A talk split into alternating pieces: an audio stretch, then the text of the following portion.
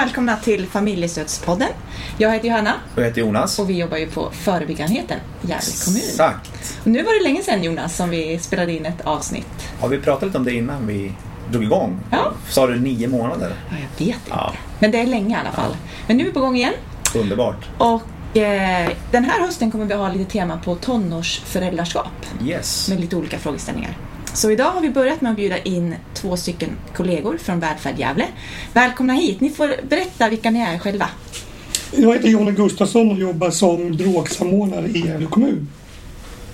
Yes, och jag heter Rasmus Axman och är eh, fält, fältare. En av fyra operativa fältare i dagsläget. Toppen. Tack. Och det vi tänker vi behöver använda er till idag, det vi är väldigt nyfikna på, det är ju kopplat till det att du Jonny jobbar väldigt mycket med. Det är att titta på liksom det utifrån undersökningar, titta på drogläget. Både nationellt, äh, internationellt men även lokalt. Och du Rasmus, du är ute och jobbar utifrån ditt uppdrag och jobbar ut, ute, uppsökande arbete som fältare. Eh, och, och det här är vi jätteintresserade av. Jag tänker mer bara fråga kring, jag har sett en del oroväckande tidningsrubriker senaste tiden. Jag tänker inte bara i Gävle, även, även i Sverige. Om drogsituationen, att det, är, att det ökar. Och vi vill bara fråga helt öppet, stämmer det? Ja, om man tittar lokalt så egentligen har man väl inte någon jättebra bild om det verkligen ökar. Eh, vad man kan se, det var en bra bild på det det ser bland ungdomar. Och där kan vi inte se en ökning på narkotikasidan. Och framförallt inte på alkohol och tobak. Där vi aldrig haft så låga siffror som vi har nu i Gävle kommun. Narkotika är också de lägsta siffrorna vi har. Men det finns en tendens till att det är färre som provar. Men de som provar narkotika, de gör det mer än tidigare. Och det är då en utsatt, en utsatt grupp. Så vi kanske alla som jobbar med de här frågorna märker av. Men eh, vi kan inte säga att vi där ökar. Det man kan se på riket, det är att öka narkotikaanvändningen i Sverige. Då pratar vi cannabis framförallt. Och eh, det är på män mellan 25 och 35 år. Men någonting som har hänt i Gävle kommun, det är att vår kokain, användning av kokain har ökat kraftigt under de sista två åren. Är det någonting man ser även inom ungdomsgruppen eller är det bland äldre? Alltså det, det, det är nog så att visst kan man stöta på någon enstaka ung som använder kokain men det är, det är liksom inte vanligt. Utan den vanligaste gruppen det är ju ändå de som finns ute i krogvärlden. Så vi säger unga vuxna, kanske 19-27 år. Där finns den stora gruppen som använder kokain. Men förr, när vi gjort de här mätningarna och tittat på det här så har det bara egentligen var det bara varit julhelgen som det har varit höga siffror. Och i början var det liksom väldigt lågt, det var 24 doser som max. Nu är vi uppe i 400 doser vi mäter. Så att det, det har blivit en otrolig skillnad på just den drogen. Men det är ändå så att det finns framförallt bland unga vuxna grupper.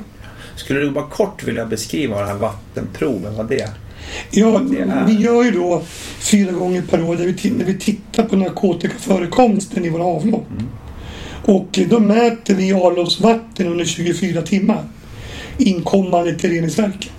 Och sen så lämnar vi in en, en, en liten vätska till labbet som finns i Södertälje.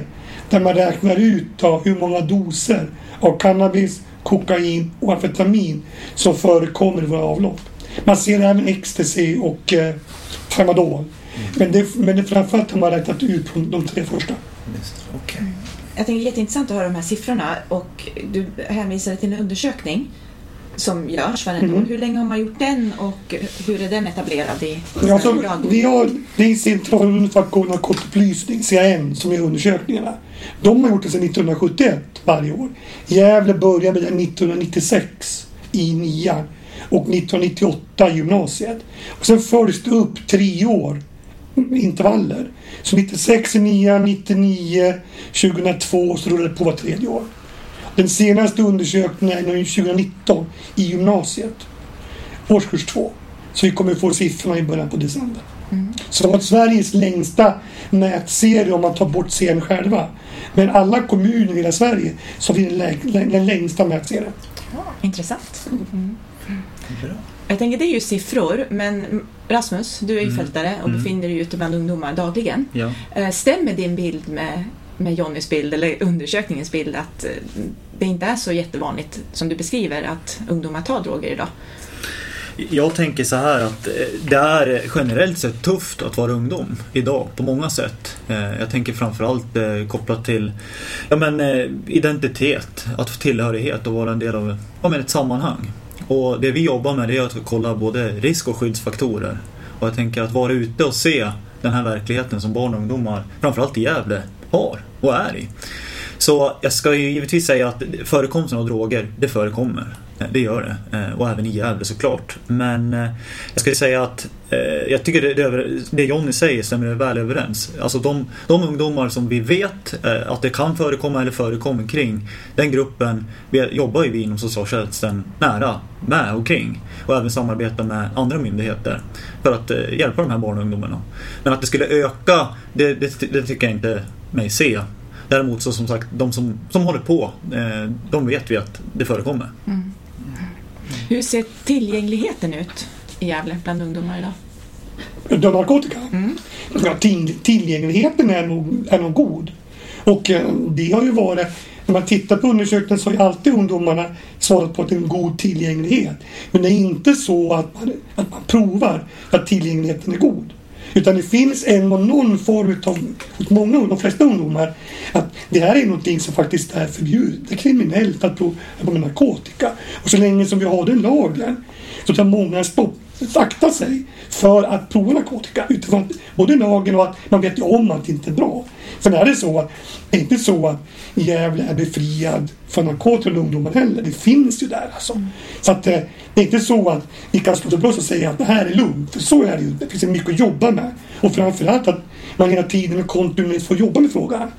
Eller om man liksom helt plötsligt tycker man att det ser bra ut så bestämmer sig man sig för att nu kan vi spara in det här eller nu kan vi strunta och göra det. Det kommer inte att funka.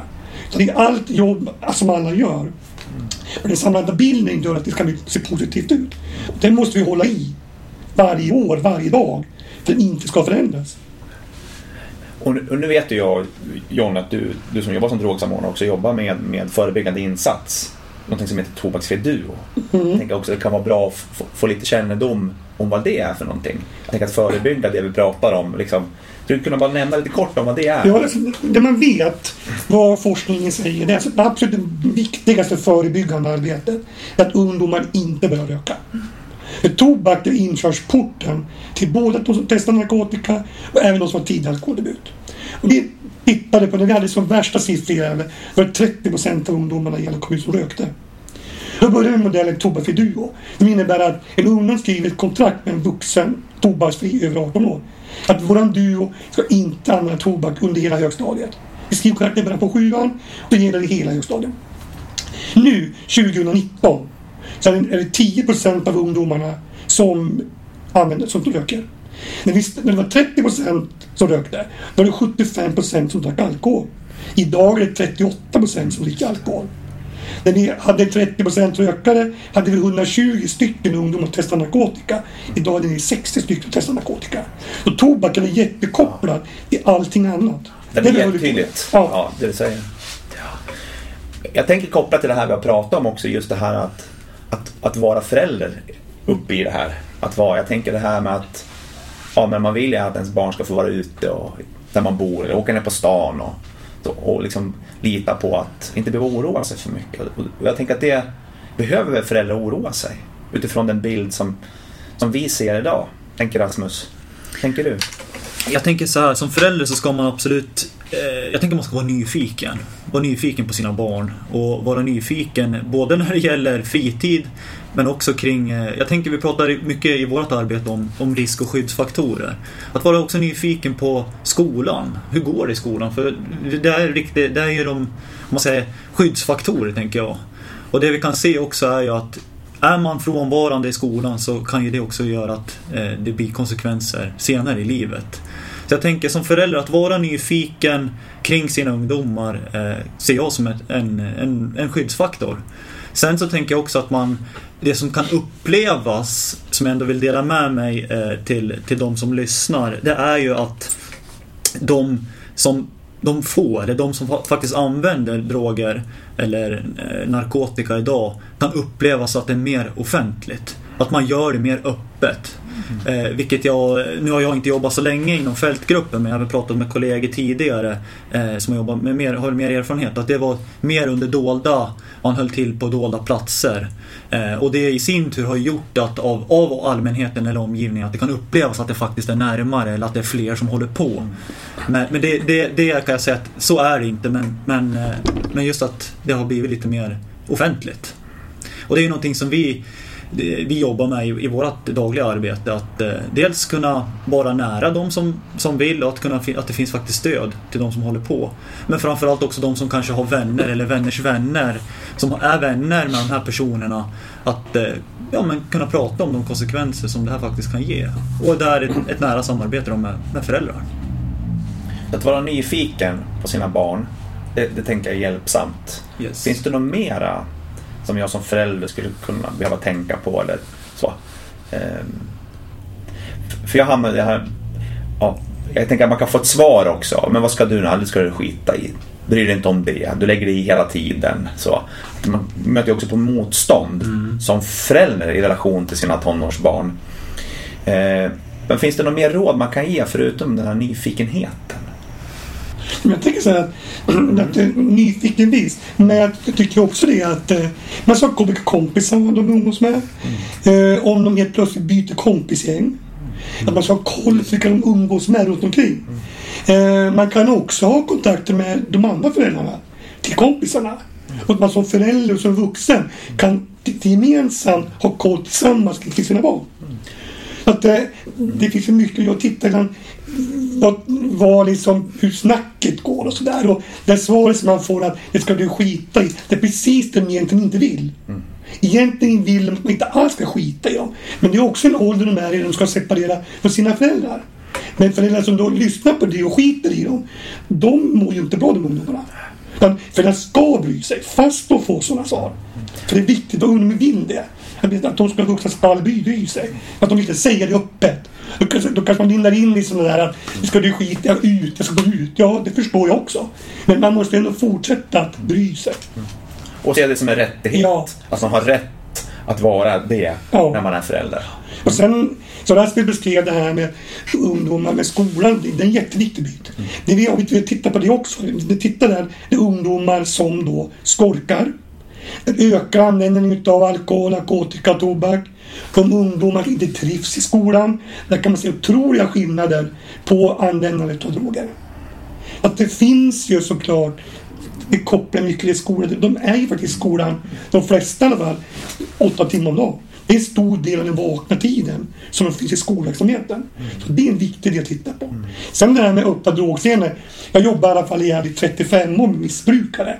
Och jag ser en, en stor skillnad mm. de sista åren. Hur öppet det är. Mm.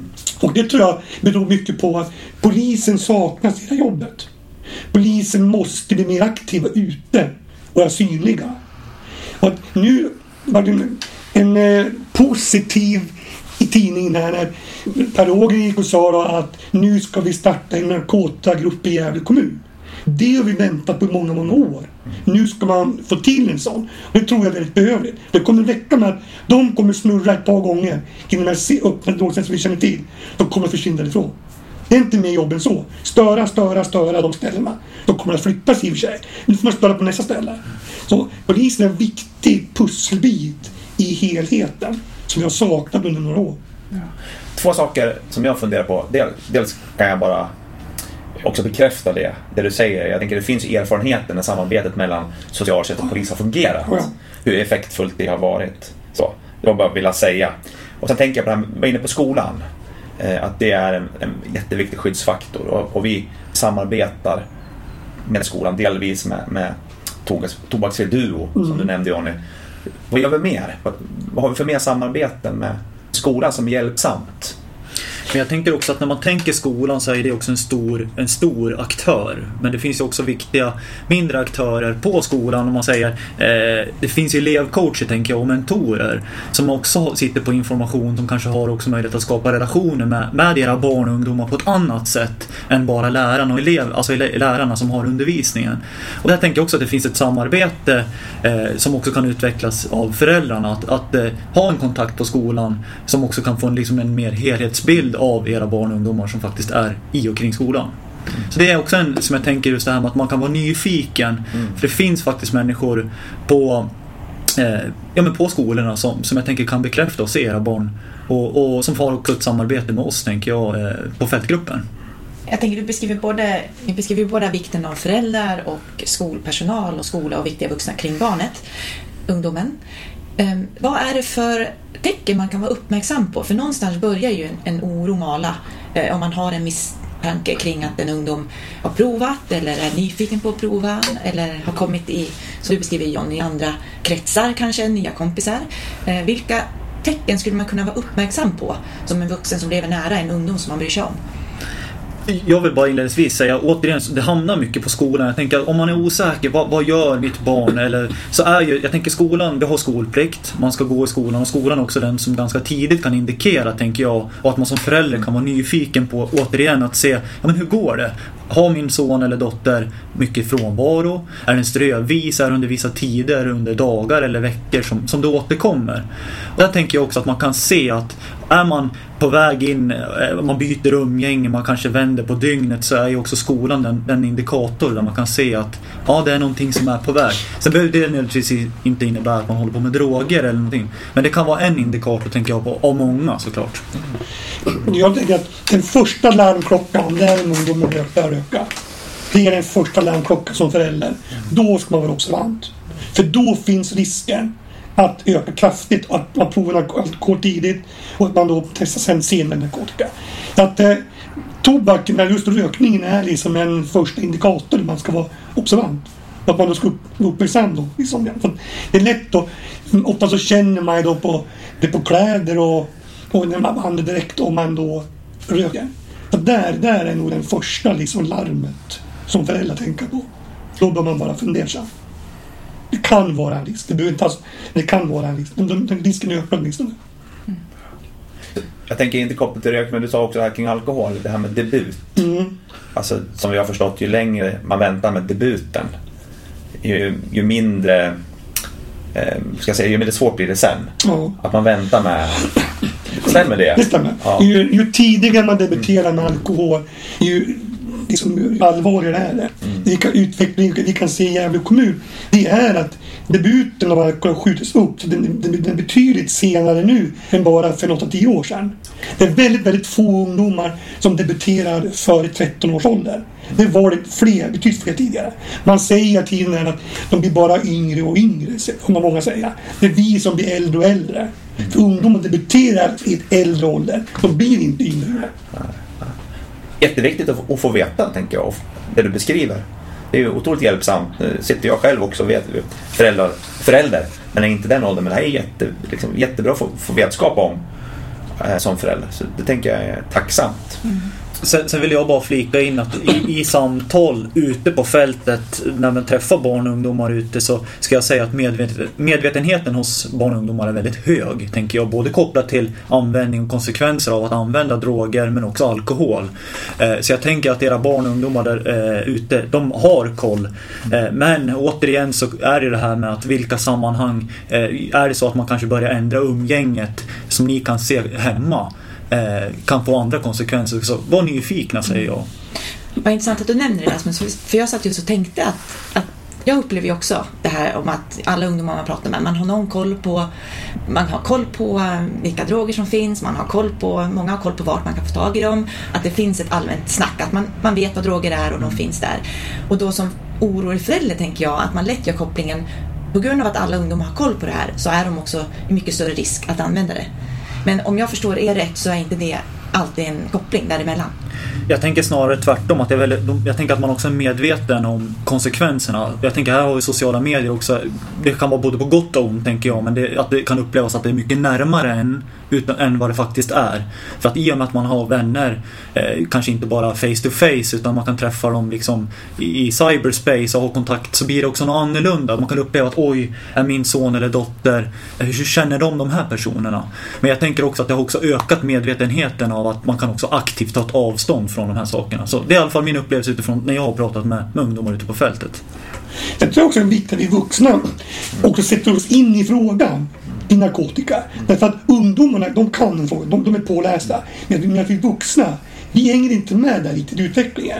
Att vi behöver också sätta oss ner och titta på vad är det egentligen? Vad är hasch för någonting och vad är, vad är det för någonting? Och hur starkt är det? Hur farligt är det? För det kan ungdomar lura skjortan av de vuxna. Och säga att men morsan det där är inte så farligt eller varsa det är inte så farligt. Det är bara det och så och så och så. Och kan man ingenting då, då kan man bli lurad där. Så att det är viktigt att vi vuxna också är lite pålästa. Mm.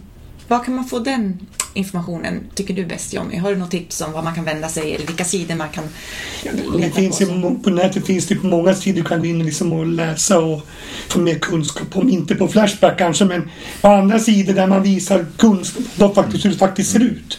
Det finns ju många sidor man kan, man kan bara söka egentligen så hittar man ju någonting om det. Och så kan man kontakta om man vill lära sig mer, att man kontaktar Föräldraföreningen mot narkotika, alltså där, där det finns föräldrar som har levt där själva och, och sitter med mycket kunskap och erfarenhet. Och där kan man också bli... Det behöver inte vara så att man måste ha ett barn som vill få kontakta dem, utan det kan man göra ändå. Att bara få veta och lära sig lite mera. Bra råd. Ja. Mm. Finns det fler saker man kan göra om man lyssnar på det här avsnittet om man känner ändå en viss oro för sitt barn eller man bara får lite frågor kring Eh, de här frågorna som man skulle vilja bolla med någon vuxen eller någon som är insatt lite mer. Var ska man vända sig då?